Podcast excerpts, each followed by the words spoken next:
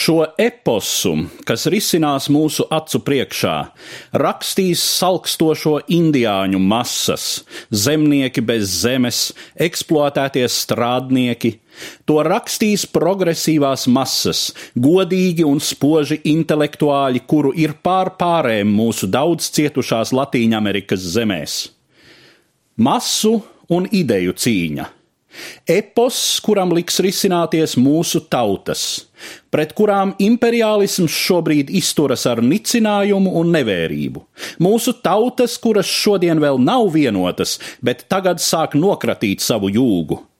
Imperiālisms mūs uzskata par vājiem un padevīgiem jūga lopiem, un tagad šie jūga lopi sāk to biedēt. Viss šis milzīgais 200 miljonu latīņamerikāņu ganāmpulks, kurā jeņķu monopolistiskais kapitālisms tagad redz savus kapračus.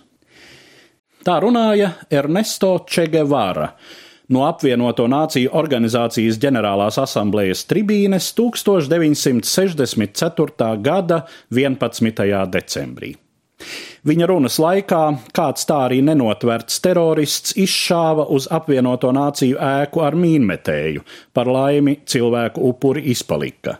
Visdrīzāk tas bija kāds no kubiešu emigrantiem, kuru salā uzvarējušais kreisais režīms bija padzinis trimdā.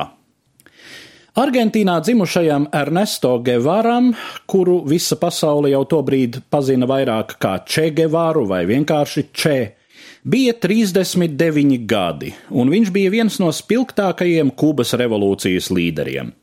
Jau kopš bērnības audzis kreisu uzskatu gaisotnē, studiju laikā Ernesto ceļoja pa Dienvidameriku, un viņā arvien noteiktāk nobrieda nepatika pret amerikāņu kapitāla kundzību šajās sociālo pretrunu plosītajās zemēs. Imperiālismā un starptautiskajā monopoliskajā kapitālismā Ernesto saskatīja visu sava kontinenta nelaimju cēloni. 50. gadu vidū Gevāra Meksikā sastapa kubiešu revolucionāru Fidelu Castro un pievienojās viņa 26. jūlija kustībai. Plecu pie pleca Če un Fidels izcīnīja partizāņu karu pret amerikāņu atbalstīto diktatora Batistas režīmu Kubā, un galu galā šis karš vainagojās ar revolucionāru uzvaru.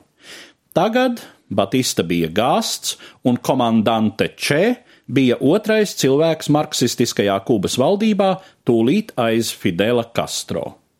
Viņš nepārprotami bija arī galvenais Kubas ārpolitikas virzītājs, Kubas seja starptautiskajā arēnā, kura popularitāte un harizma brīžiem jau aizēnoja pašu revolūcijas līderi Castro. Pēc uzstāšanās Ņujorkā Če devās trīs mēnešus ilgā starptautisku vizīšu turnejā, apmeklējot Franciju, Ķīnu, Ēģipti, Alžīriju, vairākas Centrālāfrikas valstis, atceļā vēl iegriežamies Īrijā un Čehoslovākijā. Zīmīgi, ka Maskava šajā maršrutā nebija iekļauta. Alžīrā Čegevara uzstājās plašā Āfrikas Āzijas solidaritātes seminārā. Šeit, uzrunājot semināra dalībniekus, viņa teiktajā ieskanējās diezgan neierasti toņi.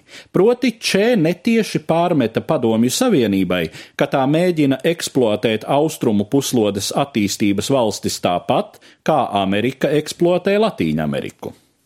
Šī kritika nepalika nepamanīta nec Kremlī, nec Havanā. Tāpat kā nepalika nepamanītas Če sevišķi sirsnīgās attiecības ar Mao un viņa režīmu Ķīnā. Tobrīd jau iezīmējās diezgan izteikta šķelšanās starp Padomju Savienību un Ķīnas Tautas Republiku. Tā šķēla visu sociālistisko nometni. Castro nepārprotami orientējās uz Maskavu, kamēr Če tuvāka šķita Pekinas ievirze. Uzstāšanās Alžīrā bija pēdējā Čegevaras parādīšanās atklātībā. Atgriezies Kubā, viņš pēkšņi pavisam nozuda no publiskās aprites. Galu galā 1965. gada oktobrī tika publicēta Čegevaras vēstule, kurā viņš pauda, ka nolēmis pamest Kubu un ziedot savu mūžu revolucionārajai cīņai citur pasaulē. Tā Fidela un Če ceļi šķīrās. Kamēr viens turpināja cītīgi būvēt savu padomju stila autoritārismu Kubā, Otrs patiešām metās revolucionāro kustību mutulī, lai pāris gadus vēlāk ziedotu šai cīņai savu dzīvību, bet tā jau ir tēma citam stāstam. Stāstīja Eduards Liniņš.